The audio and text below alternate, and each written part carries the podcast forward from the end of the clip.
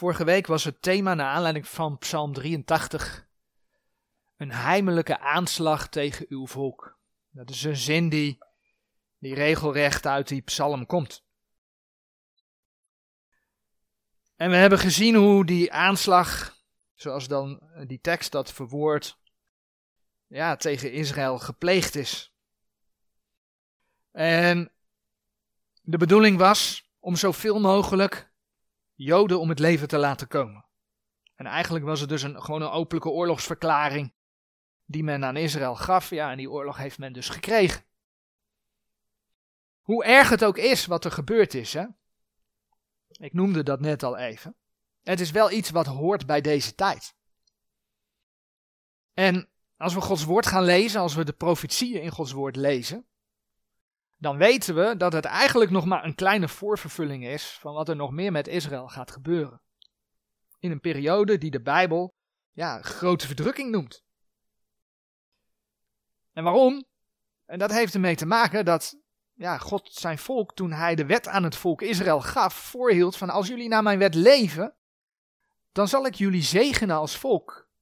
Maar als jullie niet naar mij luisteren, als jullie niet naar mijn geboden luisteren, ja, dan hield hij hen de vloek voor. En als je dat gaat lezen in het Oude Testament, wat God zijn volk voorhield, nou, dat is niet mis. We hebben daar vorige week ook een aantal versen uit gelezen.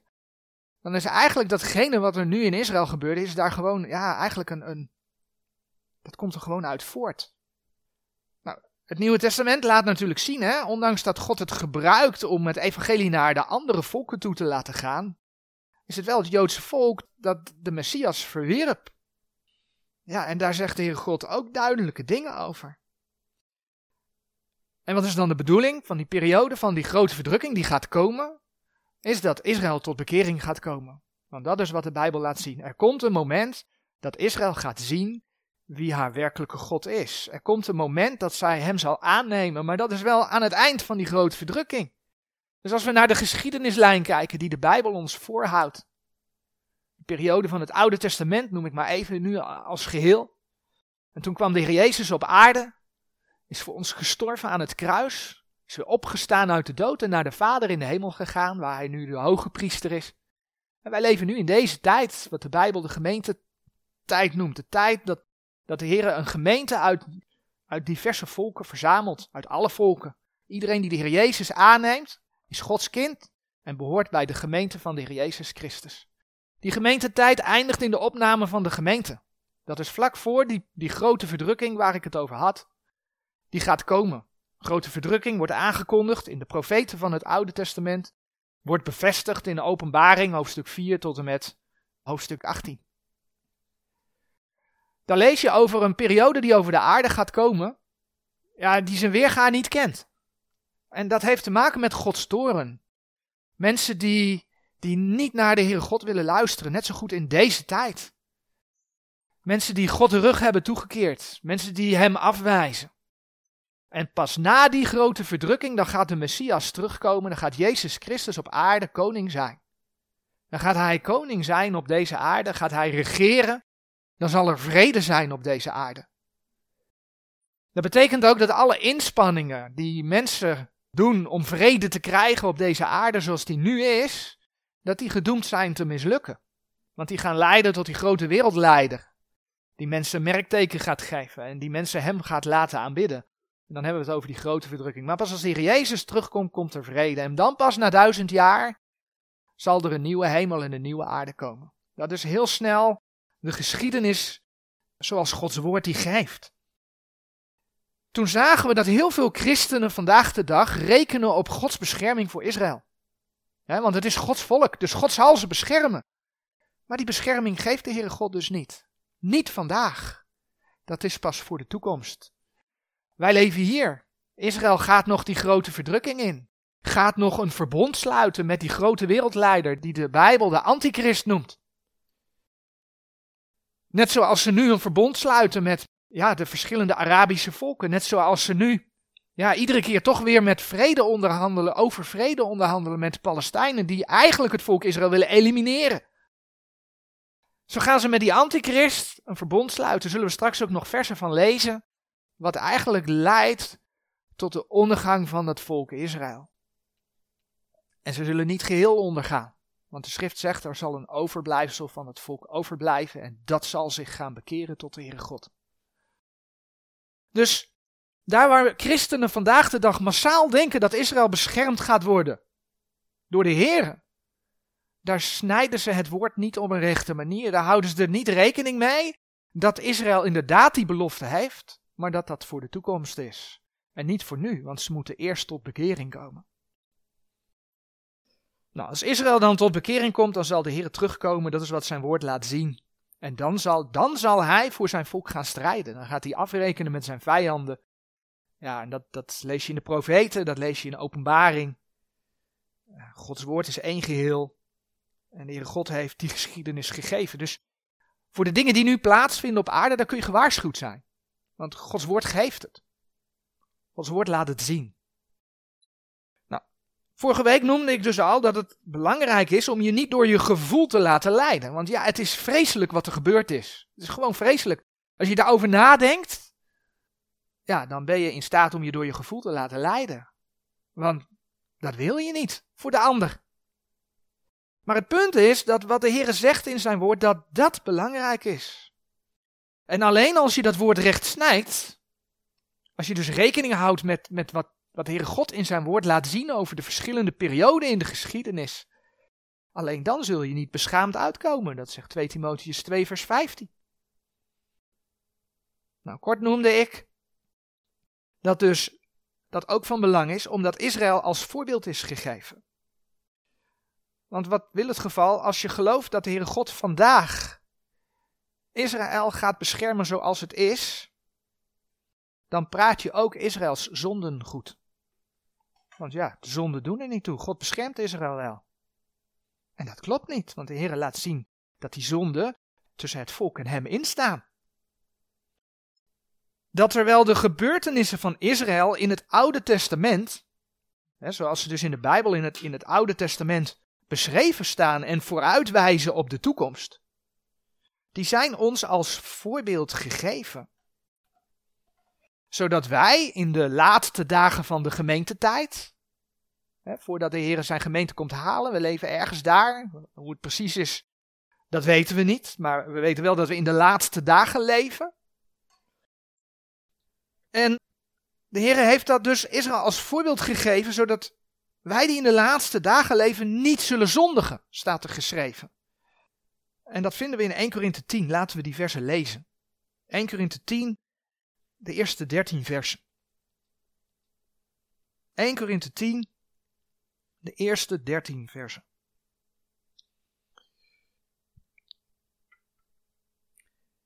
En ik wil niet, broeders, dat gij onwetende zijt dat onze vaders alle onder de wolk waren en alle door de zee doorgegaan zijn. Dit is dus een verwijzing van het feit dat het volk Israël door de Rode Zee is gegaan. Dat God de zee opende en dat het volk er doorheen kon gaan. En ze daardoor beschermde tegen de Egyptenaars. En allen in Mozes gedoopt zijn in de wolk en in de zee. En alle dezelfde geestelijke spijzen gegeten hebben. En alle dezelfde geestelijke drank gedronken hebben. Want zij dronken uit de geestelijke steenrots die volgde. En de steenrots was Christus. Dit verwijst naar dat het volk dorst had en dat Mozes de rots mocht slaan en dat er water uit de rots kwam, omdat God zijn volk voorzag van drinken. Maar in een meerderdeel van hen heeft God geen welgevallen gehad, want zij zijn in de woestijn ten nedergeslagen. Deze dingen zijn geschied ons tot voorbeelden, opdat wij geen lust tot het kwaad zouden hebben, gelijkerwijs als zij lust gehad hebben. En wordt geen afgodendienaars, gelijkerwijs als sommige van hen. Gelijk geschreven staat, het volk zat neder om te eten en om te drinken en zij stonden op om te spelen. Dit verwijst naar de geschiedenis dat het volk, toen Mozes op de berg was om Gods wet te ontvangen, de gouden kalf maakte. En ging dansen om die gouden kalf heen, zich ontbloten, daar komen we straks nog op terug. En laat ons niet hoereren gelijk sommigen van hen gehoereerd hebben. En er vielen op één dag 23.000. En laat ons Christus niet verzoeken, gelijk ook sommigen van hen verzocht hebben, en werden van de slangen vernield. En murmureert niet, gelijk ook sommigen van hen gemurmureerd hebben, en werden vernield van de verderver. En deze dingen alle zijn hun lieden overkomen tot voorbeelden en zijn beschreven tot waarschuwing van ons, op de welke de einden der eeuwen gekomen zijn. Zo dan die meent te staan ziet toe, dat hij niet vallen. U lieden heeft geen bezoeking bevangen dan menselijke, doch God is getrouw, welke u niet zal laten verzocht worden, boven hetgeen gij vermoogt. Maar hij zal met de verzoeking ook de uitkomst geven, opdat gij ze kunt verdragen. Nou, in vers 6, vers 11 hebben we gelezen dat het ons tot waarschuwing gegeven is. In vers 6 hebben we gelezen, en deze dingen zijn geschied ons tot voorbeelden, opdat wij geen lust tot het kwaad zouden hebben, gelijkerwijs als zij lust gehad hebben. In dat vers staat, wordt gesproken over ons. Ze zijn ons tot voorbeelden geworden. Wie zijn die ons?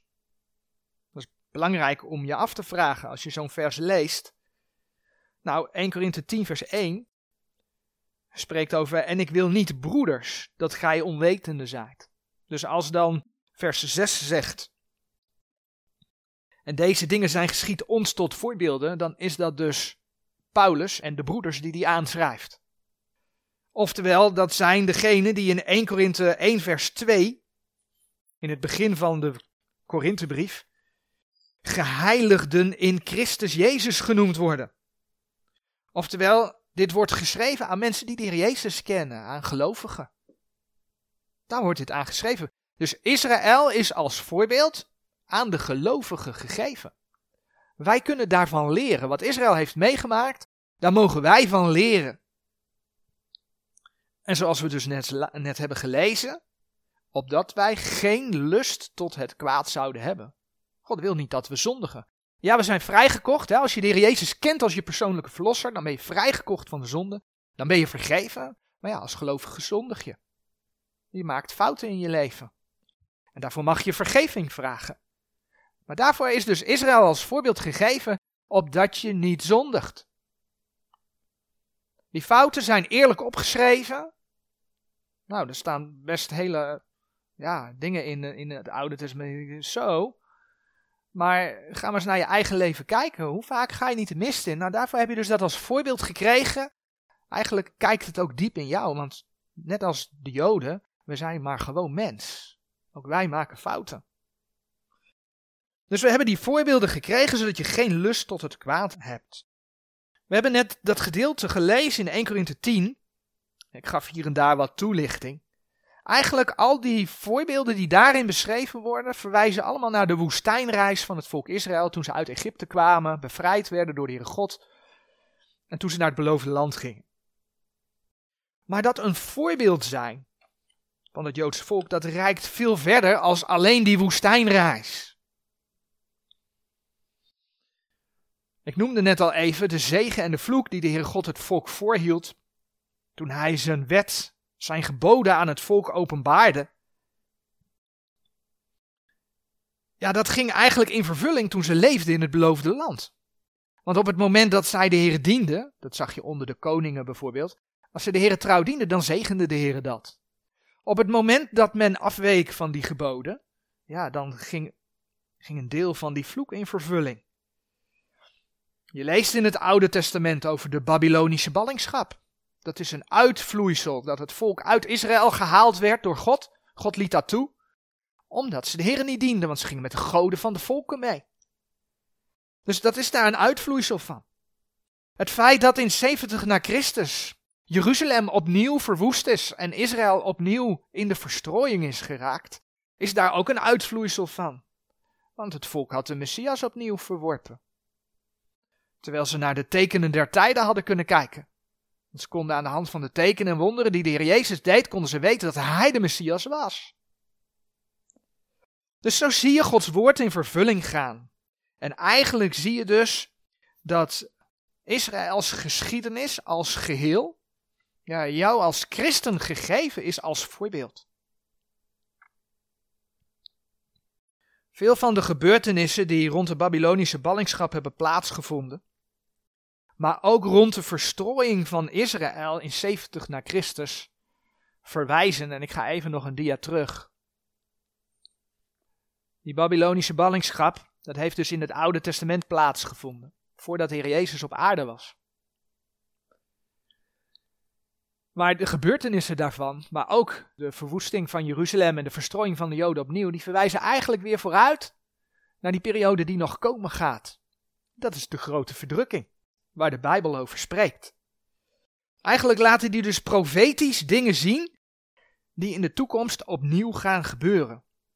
En dat komt, de Heer Jezus die zei het, daar hebben we vorige week bij stilgestaan, dat Jeruzalem vertreden wordt totdat de tijden der heidenen vervuld zijn. Dat kun je vinden als je dat na wil zoeken in Lucas 21, vers 24. Maar als dat alles dus gegeven is aan jou als christen, als voorbeeld, dan betekent het dus ook dat het iets zegt over de tijd waar wij nu in leven, omdat we eigenlijk heel dicht tegen dat aanzitten. We zien het om ons heen dat de Bijbel weer in vervulling gaat. We zitten daar heel dicht tegenaan, dus het zegt ook iets over deze tijd waar wij in leven. En dat is waar we vanmorgen naar willen kijken. Die laatste dagen van de gemeentetijd die worden in Gods woord in, in 2 Thessalonicense 2 vers 3 en 4 beschreven als een tijd van afval van geloof. Het is mooi om te zien dat mensen Heer Jezus Christus vinden en Hem leren kennen, maar je ziet juist binnen het christendom ja, dat mensen eigenlijk de God van de Bijbel de rug hebben toegekeerd. En dat zie je, zeker hier in het Westen, zie je dat. Ja, heel nadrukkelijk. Maar zoals die eindtijd een tijd van afval van geloof is, zo laat de Heer in zijn woord zien. Zo laat de Heer in zijn woord zien dat, dat Israël, voordat ze in de Babylonische ballingschap ging en voordat ze in 70 na Christus verstrooid werd, dat ze ook in afval van geloof leefden. En als je dat door de Bijbel heen gaat zien, dan zie je dus dat je daar dingen van kunt leren. Israël was in afval van geloof, maar de heidenen leven vandaag ook in, voor zover ze de Heer Jezus Christus hebben aangenomen, bij een kerk horen of noem het maar op, leven ook in afval van geloof. En we gaan naar een aantal van die overeenkomsten kijken. Komt zo meteen. Dat duizendjarig vrederijk, dat wordt in de schrift ook wel de dag des Heren genoemd. En waarom de dag? Je komt uh, tegen in de schrift dat bij God is een dag als duizend jaar en duizend jaar als één dag. Dat wordt binnen kerken gebruikt om te zeggen, ja, we weten het allemaal niet zo. Nou, als je de Bijbel gaat uittekenen, dan kom je op die geschiedenislijn uit. En dan weet je wel degelijk dat er een duizendjarig vrederijk is aan de hand van openbaring 20. Dan noemt de Heer geloof ik zes keer dat er duizend jaar door hem geregeerd gaat worden. Als de Bijbel dan spreekt over de dag van de Here, dan is dat duizend jaar van de Here dat hij vrede geeft. Dat is de dag des Heren. Maar ga je dan in het Oude Testament lezen, dan weet je dat die dag met iets begint. En dat zijn die zeven jaar die ervoor zitten. Dat is een zeven jaar van grote verdrukking. God gaat eerst afrekenen met de ongerechtigheid op deze aarde.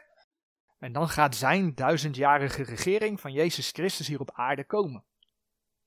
Dat is wat er staat te gebeuren. Dus in de profeten lees je over die dag des Heren. En als je dan dingen daarover leest, en, en een voorbeeld gaan we opzoeken in Joel 2.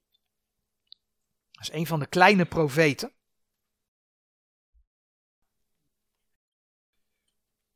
Dat zijn dingen die nog nooit hebben plaatsgevonden. Als je dat leest, dan. Dat staat nergens in de geschiedenisboeken beschreven.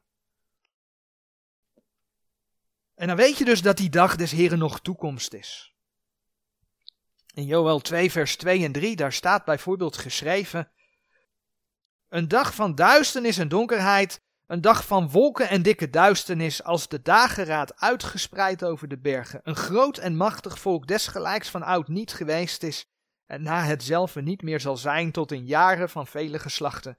Voor hetzelfde verteert een vuur, en achter hetzelfde brandt een vlam. Het land is voor hetzelfde als een lusthof, maar achter hetzelfde een woeste wildernis. En ook is er geen ontkomen van hetzelfde. Nou, als je openbaring gaat lezen, dan spreekt openbaring over tekenen in, in, in de hemel. Tekenen aan, aan zon, maan en, en noem het maar op. Openbaring spreekt ook over grote duisternis. Openbaring spreekt ook dat, dat de Heer zijn vijanden komt verslaan. Openbaring spreekt ook over een groot vuur. Teksten die je daarbij kunt opzoeken zijn bijvoorbeeld Openbaring 19, vers 15 en Openbaring 20, vers 9. En daarom wordt er dus over de dag van de Heer gesproken. Het is de dag dat de Heer gaat regeren. Maar die dag start dus met Gods toren over de aarde, zodat Hij afrekent met alle ongerechtigheid die de mensen gemaakt hebben. Die dag des Heren is dus een verwijzing naar het feit dat het betrekking heeft op iets wat nog toekomst heeft. Dat is nu nog niet. Nou, in de tijd dat Jezaja tegen Juda mocht profiteren, waarschuwde hij tegen de afval van het geloof in zijn dagen. Je vindt dat in Jezaja 1 vers 5. De profeet Jezaja. Hoofdstuk 1. Vers 5. Dan kom je dat woordje afval tegen. En Jezaja mocht de leiders toespreken zoals hij dat deed in vers 10. Hoort des Heren woord, gij overste van Sodom. Neemt ter oren de wet onze Gods, gij volk van Gomorra. Nou, als we de Bijbelse geschiedenis kennen, dan weten we dat God op een gegeven moment Sodom en Gomorra heeft omgekeerd.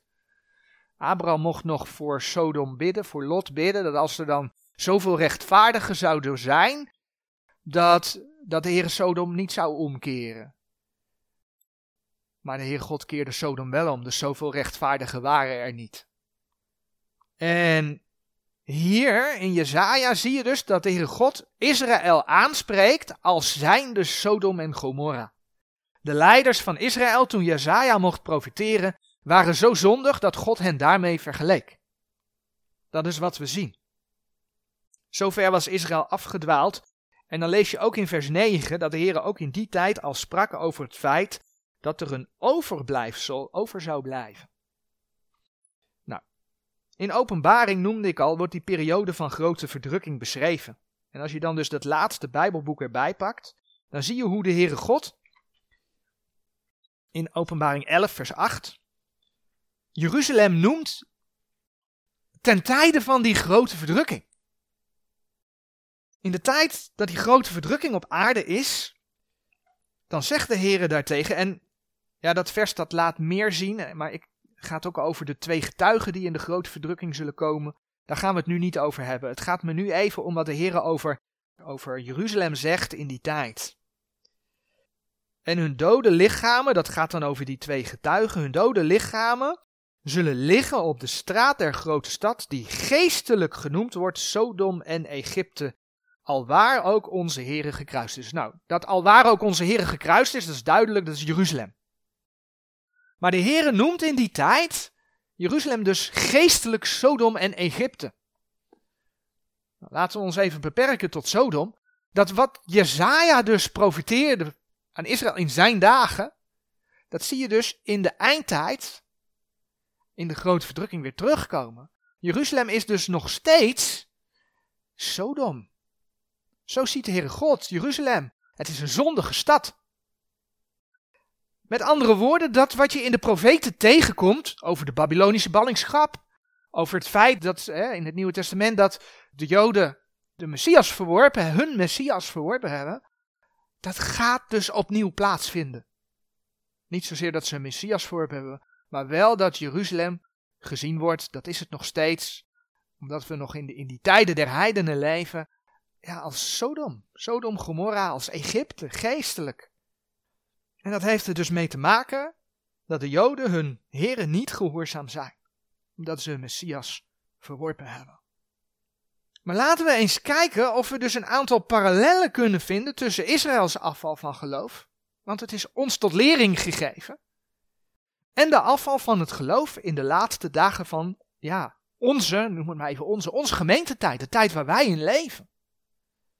En daarvoor wil ik nog een klein stukje lezen uit 2 Timotheus. 2 Timotheus, hoofdstuk 3. En Timotheus is een brief van Paulus aan Timotheus geschreven. Het is eigenlijk een, een, een brief voor de, de gemeente. In dit geval een voorganger van de gemeente, maar het is een gemeentebrief van Paulus. Een brief die echt aan onze tijd ook geschreven is. En dat merk je al als je 2 Timotheus 3 vers 1 leest. En weet dit, dat in de laatste dagen ontstaan zullen zware tijden. Het gaat dus over de laatste dagen van de gemeente. En dat zullen zware tijden zijn, staat daar. En dan komt hij, waarom? Vers 2, want de mensen zullen zijn liefhebbers van zichzelf. Geldgierig, laatdunkend, hoogvaardig, dat betekent trots. Lasteraars, ze spreken kwaad over elkaar. De ouders ongehoorzaam, ondankbaar, onheilig. Zonder natuurlijke liefde. Hè? Niet de liefde zoals God het bedoeld heeft tussen man en vrouw binnen het huwelijk, maar allerlei andere vormen. Onverzoenlijk, achterklappers, onmatig, wreed, zonder liefde tot de goede. Verraders, roekeloos, opgeblazen, meer liefhebbers der wellusten dan liefhebbers Gods.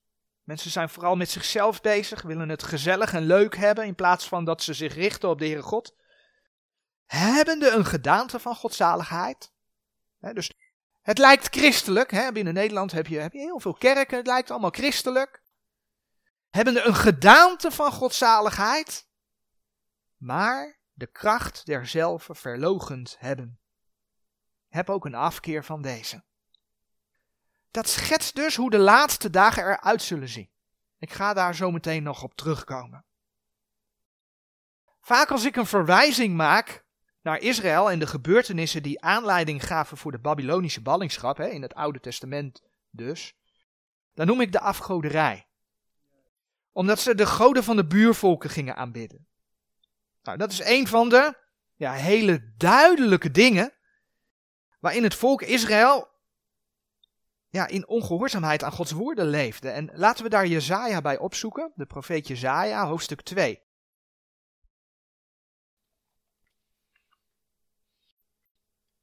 In Jezaja hoofdstuk 2 lees je vanaf vers 6 het volgende. Maar gij hebt uw volk, het huis Jacobs, verlaten, want zij zijn vervuld met goddeloosheid, meer dan het oosten. En zij zijn guigelaars. Ik kom daar zo op terug wat dat betekent. En zij zijn guigelaars, gelijk de Filistijnen. En aan de kinderen der vreemden tonen zij hun behagen. En hun land is vervuld met zilver en goud, en hunner schatten is geen einde. Hun land is ook vervuld met paarden, en hunner wagens is geen einde.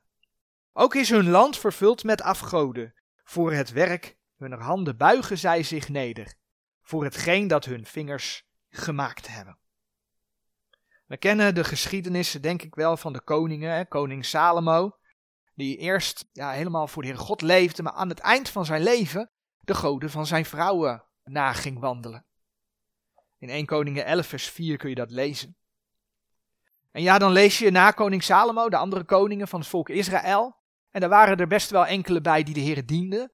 Maar eigenlijk zie je dat diverse koningen steeds verder van de Heer afgingen. Ja, en de Bijbel noemt het dan hoereren. Want ze gingen andere goden na. En eigenlijk ging dat van kwaad tot erger. Nou, dat lees je in, in de geschiedenisboeken in de Bijbel. 1 Samuel, 2 Samuel, 1 Koningen, 2 Koningen. Kun je allemaal lezen. Dat ging van kwaad tot erger. Nou werd er in Jesaja 2 vers 6 ook gesproken over guigelaars. Wat betekent dat? dat? Dat betekent dat ze met waarzeggerij bezig waren. En ze keerden zich onder andere tot mensen die contacten onderhielden met de geestenwereld. Zo kun je denken aan koning Saul die ja, aan het eind van zijn leven te raden ging bij een vrouw met een waarzeggende geest. Dat vind je in 1 Samuel 28 vers 7. Maar dit vers wat we net gelezen hebben, Jezaja 2 vers 6, dat laat zien ja, dat het op een gegeven moment eigenlijk nagenoeg het hele volk was. Want er staat, gij zijt guigelaars, gij zijt waarzeggers. Dat eigenlijk het hele volk ermee bezig was. Natuurlijk zullen daar uitzonderingen geweest zijn. Maar als je naar het volk in zijn geheel keek, was nagenoeg iedereen daarmee bezig. In plaats dat zij luisterden naar de Here, hadden ze hem verlaten en waren ze bezig met afgoderij, waren ze bezig met occulte praktijk. Nou, dan gaan we naar de actualiteit. Als we het over Israël hebben Een van de aanvallen van de Palestijnen op 7 oktober vond plaats op een feest in de woestijn. En wat was men in die woestijn aan het doen? Men was aan het dansen. En men was aan het dansen rond, onder andere, een Boeddha-beeld. En ja, als je dan Exodus 32 gaat lezen hè, over dat gouden kalf, Exodus 32 vers 6, vers 18, vers 19, vers 25, dan doet dat toch echt wel denken aan het ons blote volk. Ik bedoel, ik heb sommigen in outfits zien staan in, in videofilmpje wat dat ging. Ja, die hadden bewijzen van bijna geen, geen, geen kleding kunnen aantrekken. Dat doet denken aan dat ontblote volk dat in de woestijn danste rond dat gouden kalf. Ja, en dan lees je in Exodus 32, vers 28, dat er die dag 3000 mannen omkwamen, omdat zij niet wachten op Mozes die terug zou komen met de wet, maar een kalf met hun eigen handen gemaakt hadden en dat gingen aanbidden. 3000 kwamen om. Weet je, dat maakt de gebeurtenis van 7 oktober niet minder erg. Absoluut niet. Maar je ziet dat het huidige Israël, dat is niet het Israël van Gods belofte van vrede, van het volk dat naar hem luistert, dat hem dient. Dat is het Israël dat onder de toren van God staat omdat zij de afgoden vereren. Maar onder de heidenvolken is dat niet anders. De heidenvolken hè, zijn dus alle volken op deze aarde die ja, niet het volk Israël zijn. Die vanuit hun verleden vaak andere goden dienden. Onder die andere volken, onder die heidenvolken is het niet anders. Mensen willen niet weten van de God van de Bijbel. Tenminste, de meeste niet. Maar alles wat zich daarbuiten bevindt, oh, maar dat is interessant. De winkels staan vol met Boeddha-beeldjes. Die kopen we voor in onze vensterbank, op ons dressoir of in de tuin. Daar hangen we posters van Boeddha op. Ja, velen doen een cursus Reiki. Of gaan voor ontspanning op yoga. Tegenwoordig zie je atheïsten, atheïsten die die God eigenlijk logenen. Ik heb daar nog niet zo heel lang geleden over gesproken. Dat die zeggen, hè, op basis van de kunstmatige intelligentie, wat nu zo sterk opkomt, de artificial intelligence, dat er op korte termijn, er was een hele grote atheïst die ook adviseur is voor het World Economic Forum, dat er op korte termijn, ja, door die AI, een religieus boek geschreven gaat worden, dat wel waar zou kunnen zijn, zegt men dan. Met andere woorden, de Bijbel is niet waar, maar wat de AI gaat schrijven is wel waar. Maar, maar wat is AI? Wat is kunstmatige intelligentie? Dat is iets wat door mensen zelf gemaakt is. En ze gaan dus aanbidden wat ze zelf gemaakt hebben. En dat is wat het volk Israël ook deed. Je ziet het vandaag de dag weer. En dat is wat Europa leiding geeft. Dat is wat Europa leiding geeft. Velen die zich christen noemen, hebben ook met de God van de Bijbel afgerekend. En ja, veelal wordt de Bijbel gezien als een boek van normen en waarden. Hè? Je mag niet moorden, je mag niet liegen. Dat vinden we hele goede normen en waarden. Zijn ze ook, overigens. Maar de Bijbel is meer. Het is niet alleen een boek van normen en waarden. De Bijbel is Gods openbaring. Over de geschiedenis, maar ook over hoe je tot de redding komt in Jezus Christus. Dat er een God is die je uiteindelijk verantwoordelijk houdt voor wat je gedaan hebt. En dat is wat steekt bij de mensen. Daarom willen ze de God van de Bijbel niet. Dat er een God is die jou verantwoordelijk houdt voor wat je gedaan hebt, dat is wat de mensen niet willen. In Ezekiel bijvoorbeeld, de profeet Ezekiel, hoofdstuk 8, vers 12. Daar lezen we.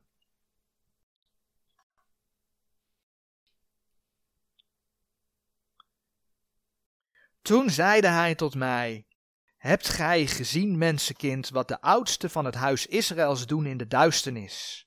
Een ieder in zijn gebeelde binnenkameren. Want zij zeggen: De Heere ziet ons niet. De Heere heeft het land verlaten. Dus men ging in de duisternis en daar maakte men allerlei dingen die de Heere God niet wilde. Hè? De gebeelde binnenkameren, dus afbeeldingen maken. Dat ging men aanbidden. En men dacht dat God het niet zag. Maar de Heer ziet het wel. Want God is alomtegenwoordig. En als je de Bijbel gaat lezen, dan weet je dat je zelfs een boek bijhoudt van ja, alles wat mensen doen en zeggen. In, in Matthäus 10, vers 26 is er zo'n vers dat zegt, want er is niets bedekt, het welk niet zal ontdekt worden. Er is niets verborgen, het welk niet zal geweten worden. Voor God is niets verborgen. God ziet alle dingen. Dan kun je ook Matthäus 12, vers 36 bijzoeken. Dat er van elk ijdel woord dat de mens spreekt, daar zal hij verantwoording over moeten afleggen. Want God ziet die dingen. Nou ja, Hebreeën zegt, en gelijk het de mens gezet is eenmaal om te sterven, en daarna het oordeel, Hebreeën 9 vers 27. Dus als de mens doodgaat, dan komt hij niet weer terug, er is geen reïncarnatie, nee, je komt eenmaal voor God te staan. En dat is wat de mens niet wil. Maar het typeerde en typeert Israël in haar afval dat zij dat niet wilde weten. Maar zo is het ook onder de heidevolken vandaag de dag. Zelfs onder de volken die zich in het nabije verleden christelijke naties noemden, hè, voor zover ze dat dan überhaupt waren. Oké. Maar men wil het niet weten. En ik noemde het al even, dan gaan mensen yoga doen. Nou, er zijn heel veel christenen vandaag de dag die ook yoga doen. Maar als je gaat verdiepen in wat yoga is, zelfs de oefeningen, dan zeg maar ah, alleen de oefeningen. Ik hou me niet met filosofie erachter bezig. Nee, maar de oefeningen, dat is al het opwekken van de slang. Dat komt uit de Oosterse religies, het opwekken van de slang. Nou, als je weet wie de slang is in de Bijbel, dan wil je die niet in jezelf opwekken. Dat is wat de schrift laat zien. Mensen staan ervoor open. Afgoderij, occultisme. Wat Israël deed en doet. Dat zie je vandaag de dag onder de volken. Ja, zelfs onder hen die zich dan christelijk noemen. En ik zeg christelijk noemen, er zullen vast ook christenen zijn die wel degelijk, maar omdat ze het niet weten, erin meelopen. Maar de Heer laat zien in zijn woord wat hij ervan vindt. Maar als je als kind van God aan jezelf denkt, weet je, dan kun je ook de Heer verlaten. Dan kun je de Heere God ook een lagere plek geven dan hem toekomt.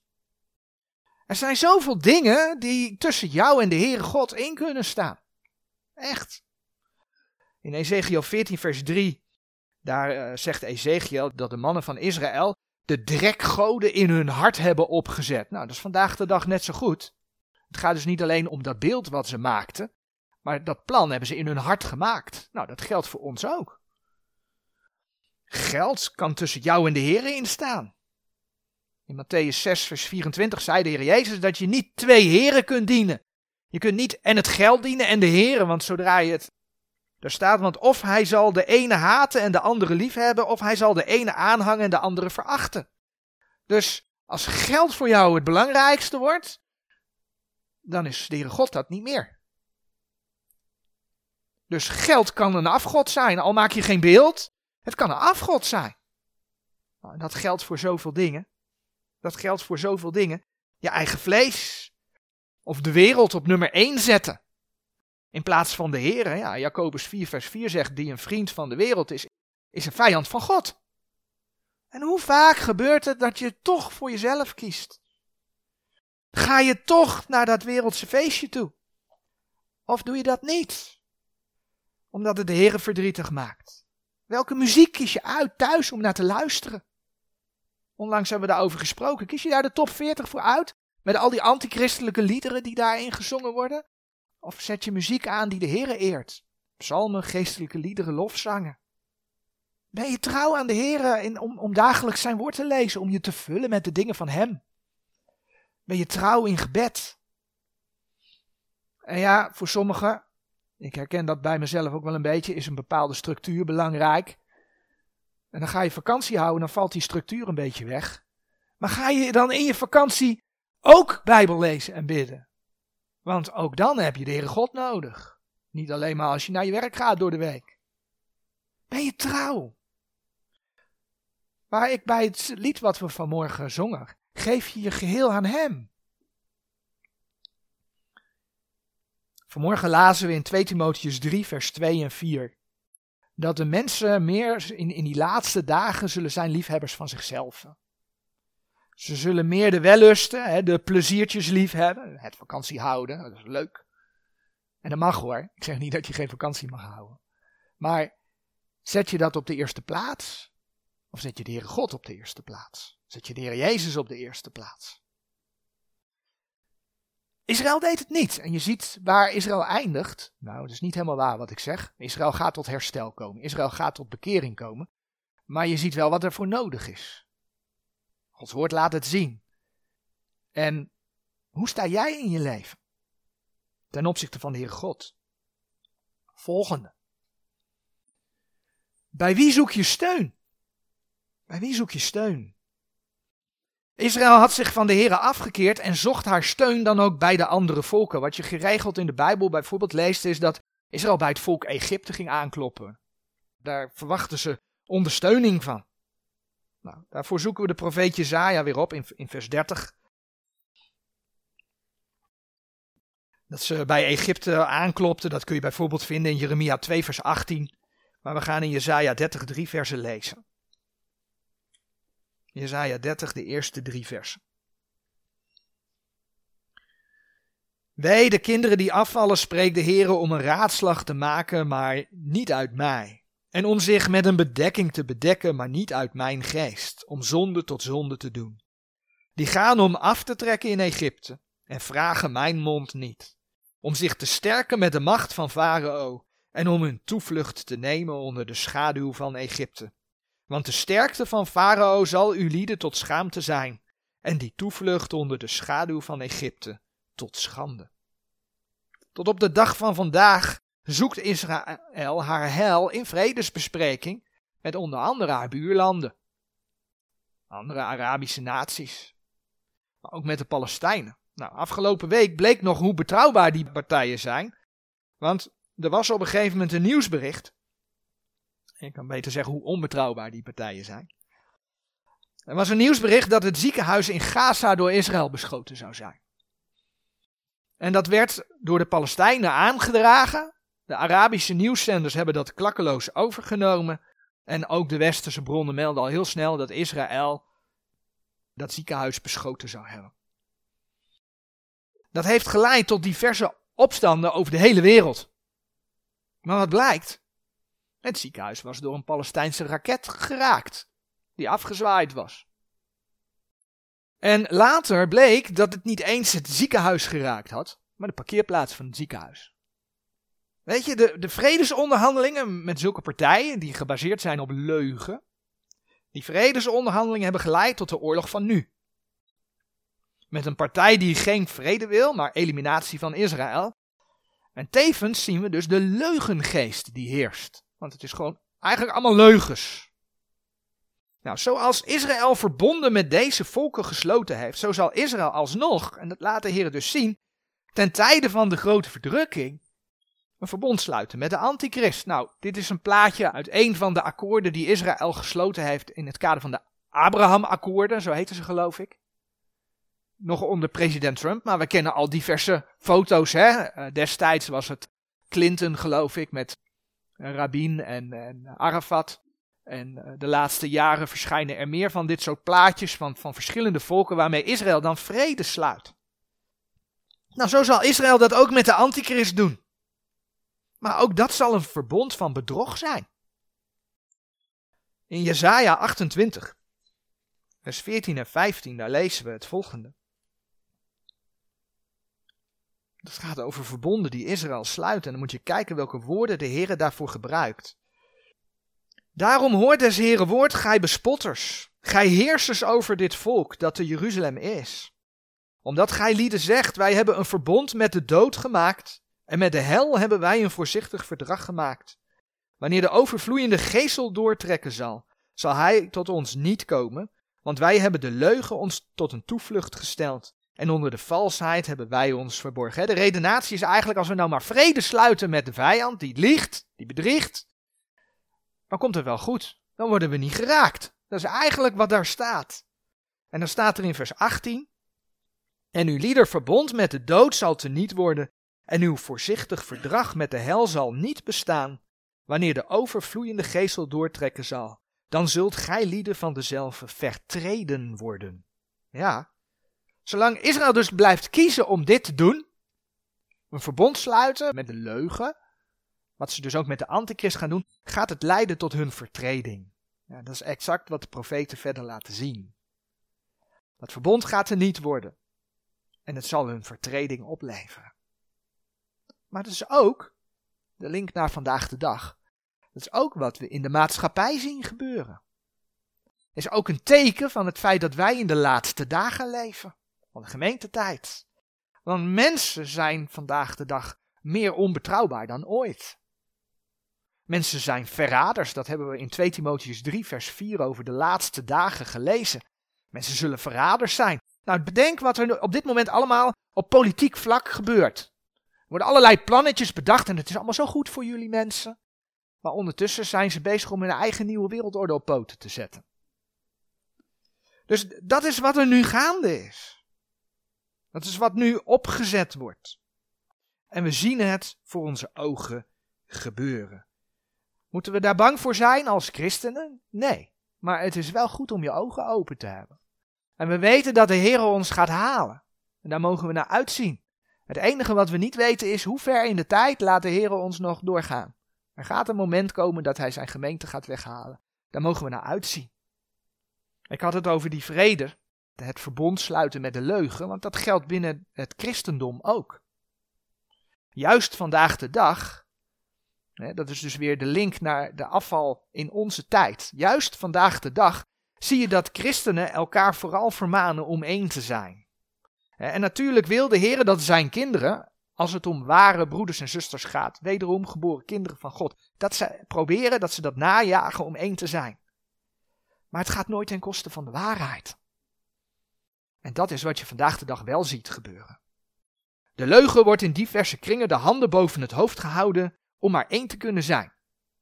En de grote aanstichter van het alles is diegene, die grote leider van de katholieke kerk, de paus.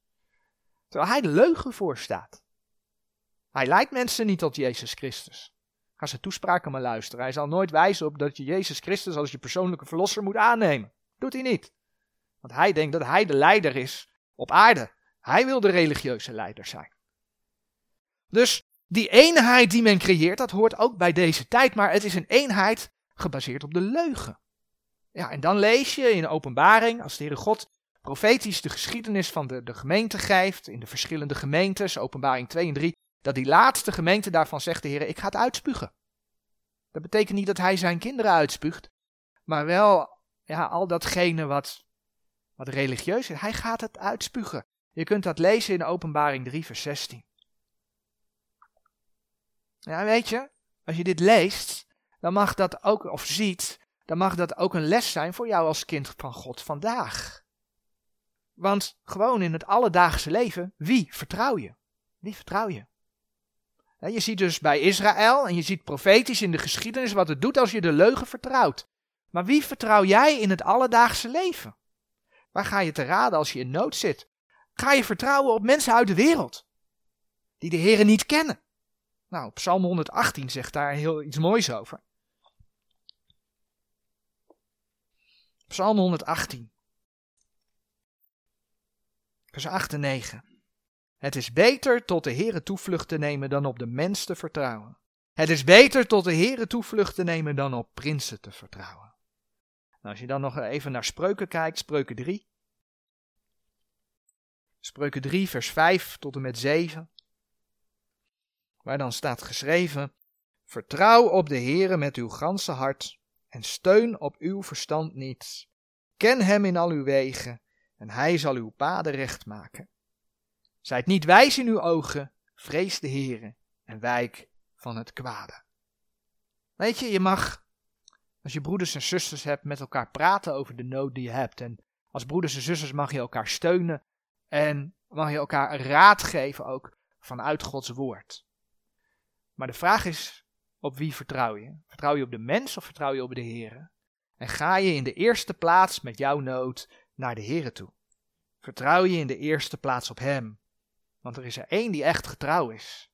En dat is onze Hemelse Vader.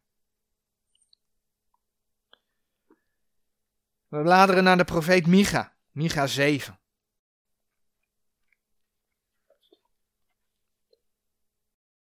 En dan lezen we in vers 2 tot en met 4 het volgende.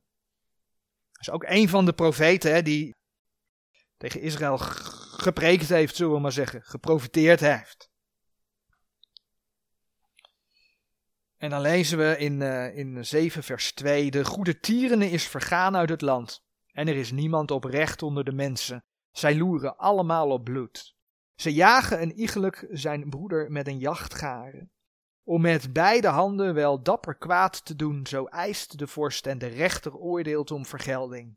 En de grote die spreekt de verderving zijner ziel, en zij draaien ze dicht in één. Vers 4. De beste van hen is als een doorn.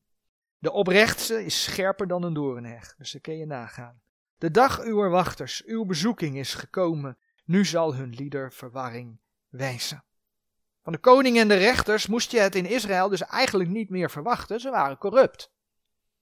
ze deden dingen als ze er zelf beter van werden. De rechters die deden dingen alleen voor een vergelding, dat betekent ze wilden er iets voor hebben.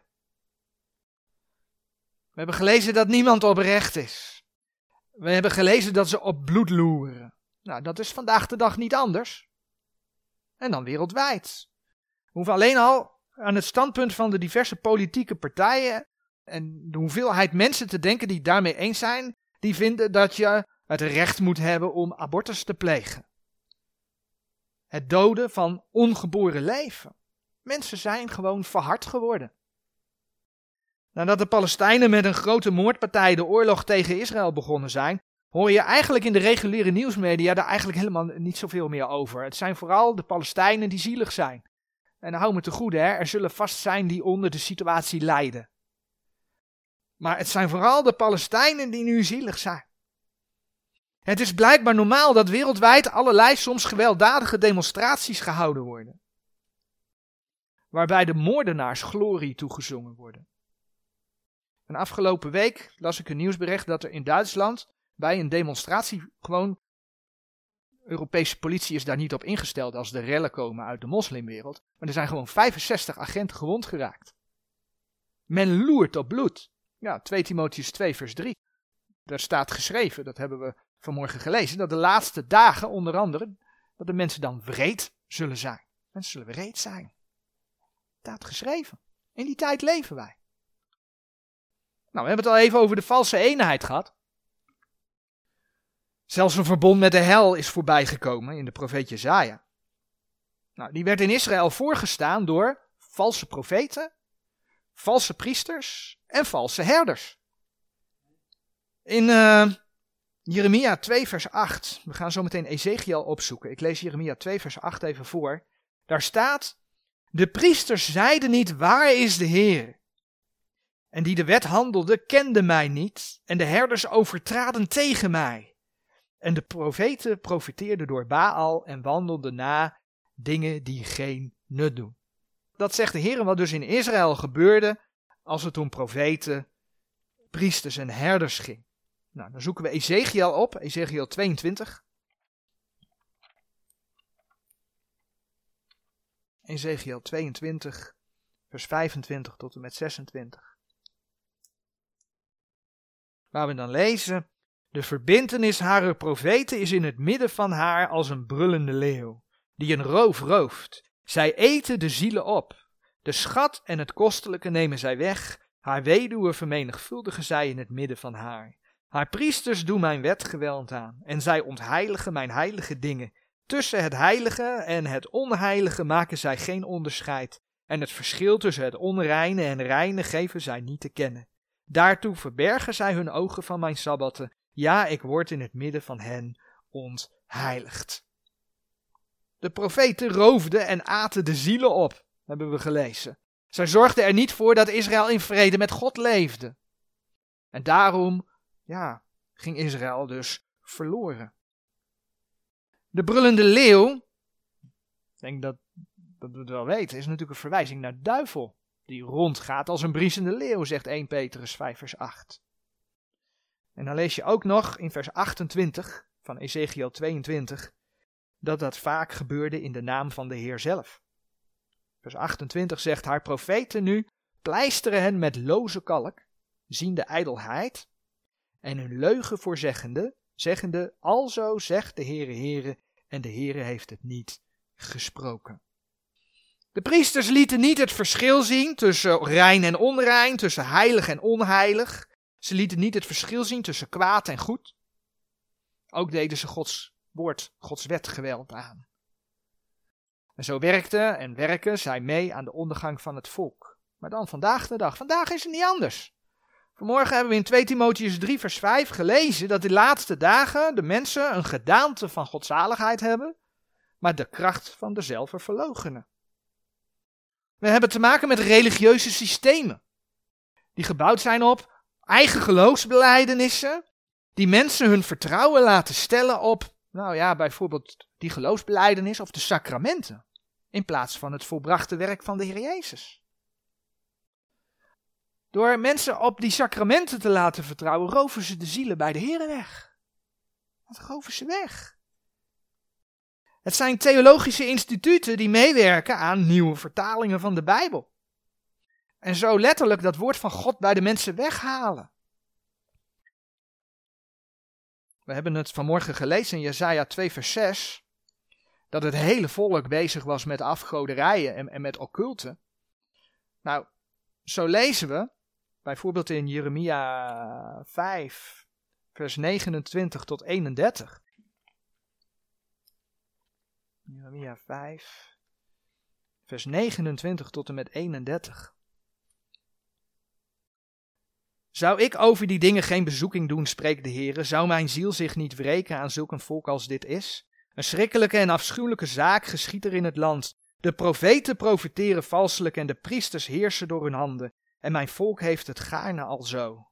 Maar wat zult gij ten einde van dien maken. Mijn volk heeft het gaarne al zo. Weet je, vandaag is het niet anders.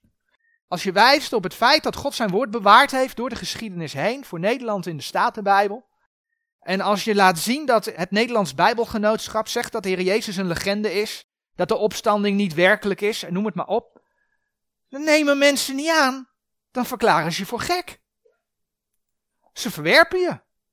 Als je laat zien dat theologen aan universiteiten dat ze Gods woord verdraaien, dat ze er wat anders van maken. Omdat ze het uit de context halen en soms andere woorden invullen. Dan verwerpen ze je. Het volk heeft het gaarne al zo. Zoals het bij Israël was, zo is het vandaag de dag. En je ziet het gewoon gebeuren. Jeremia 12, vers 10 zegt: Vele herders hebben mijn wijngaard verdorven. Dat was toen zo, dat is nu zo. Weet je, dit lijstje is niet compleet. Dit lijstje is niet compleet. Maar het geeft wel een beeld hoe Israël ons als voorbeeld is gegeven. Om niet tot zonde te komen. En zoals Israël gewaarschuwd was door de woorden van God en toch tot zonde kwam, zo zie je dat het bij de heidenen helemaal niet beter gaat. De heidenen zijn notabene gewaarschuwd door de woorden van God en door het voorbeeld van Israël. En toch leggen de meesten het naast zich neer, tot in kringen toe waar mensen zich christen noemen of christen zijn. Het is niet voor niets, ik maakte er al een verwijzing voor, dat de Heer die laatste gemeente in Openbaring 2 en 3 beschrijft als de lauwe gemeente. Openbaring 2 en 3, daar worden zeven gemeenten beschreven en ja, wij geloven dat dat profetisch eigenlijk de, de kerkgeschiedenis door de tijd heen geeft. En die laatste gemeente is een lauwe gemeente waarvan de Heere zegt, vers 16, dat hij ze uit gaat spuwen.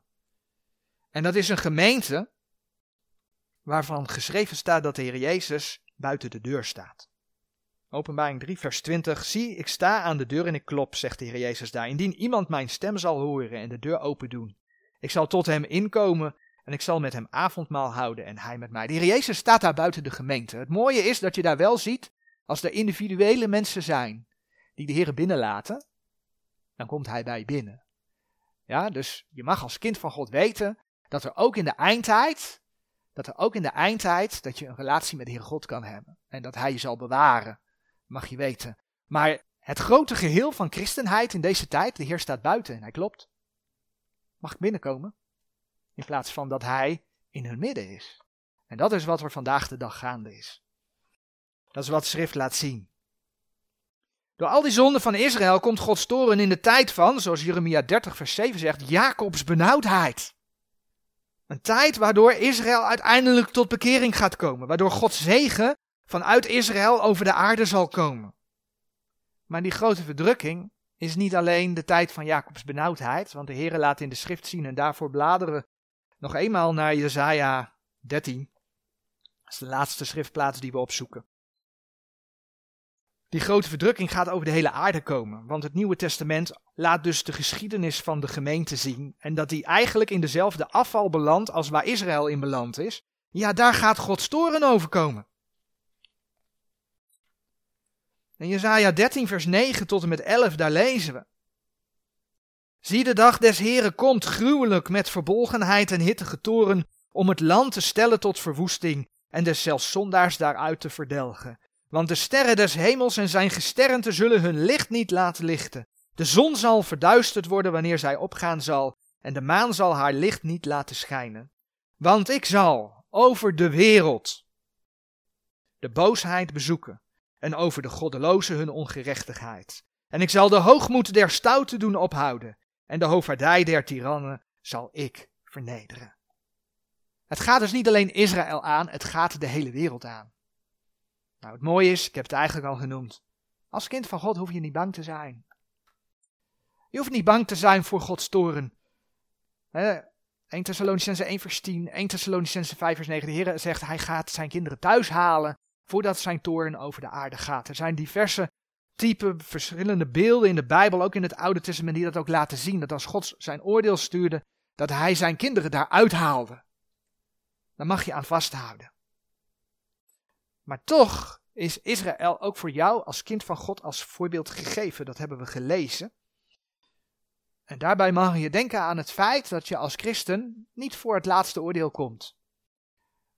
Want je hebt het leven ontvangen in Jezus Christus. Maar je komt wel voor de rechterstoel van Christus. Dat is een ander oordeel. Daar zullen je werken geoordeeld worden. En dan zegt de Heer in 2 Korinthe 5 vers 10 dat je zult wegdragen wat je met je lichaam goed of kwaad gedaan hebt. Daarvoor is het zo belangrijk om ook als christen naar Israël te kijken en niet dezelfde fouten te maken als Israël. Maar in afhankelijkheid van de Heer, de Heer vraagt om hulp, om Hem te volgen, om Hem trouw te zijn en om op Hem te vertrouwen. Dus laat het voorbeeld van Israël eraan bijdragen dat de Heere God werkelijk in jouw leven de eerste plaats heeft. Dat is eigenlijk waar het om gaat. Maar mocht iemand deze boodschap ja, horen, die de Heer Jezus niet persoonlijk kent, die hem niet persoonlijk aangenomen heeft, die niet gezegd heeft, Heere, dank u wel dat u voor mij aan het kruis gestorven bent, dat u voor mijn zonde gestorven bent, die dat niet gezegd heeft. Want de Heer laat zien in Romeinen 10, als je dat zegt, als je dat gelooft met je hart, beleid met je mond, dan zul je zalig worden. Dan word je behouden. Als je dat niet gedaan hebt, doe dat dan nu. Israël is je voorbeeld. Ook het voorbeeld hoe waar dit woord van God is. Want Israël bewijst dat de Heere God zijn woorden gestand doet. Want wat hij bij Israël gedaan heeft en doet, dat doet hij bij een ieder die zijn zoon afwijst als persoonlijke verlosser. Maar, omdat de Heere geduld heeft, en dat is wat in 2 Petrus 3 vers 9 geschreven staat, omdat de Heere geduld heeft, omdat de Heere langmoedig is, dat betekent omdat de Heere heel veel geduld heeft. Wacht hij want hij wil namelijk helemaal niet dat mensen verloren gaan. Hij is langmoedig, niet willende dat enige verloren gaan, maar dat zij allen tot bekering komen. En daarom zien wij die dingen allemaal nog gebeuren. Want God is langmoedig, God is geduldig. God wil dat zijn boodschap, de boodschap van zijn woord, niet wat kerken ervan gemaakt hebben, maar de boodschap van dit boek mensen nog bereikt. Als je daar amen op zegt, als je dat gelooft en aanneemt, dan hoef je ook niet bang te zijn voor die dingen die gaan gebeuren, omdat je dan zijn kind geworden bent. Dan ga je hem tegemoet. Amen.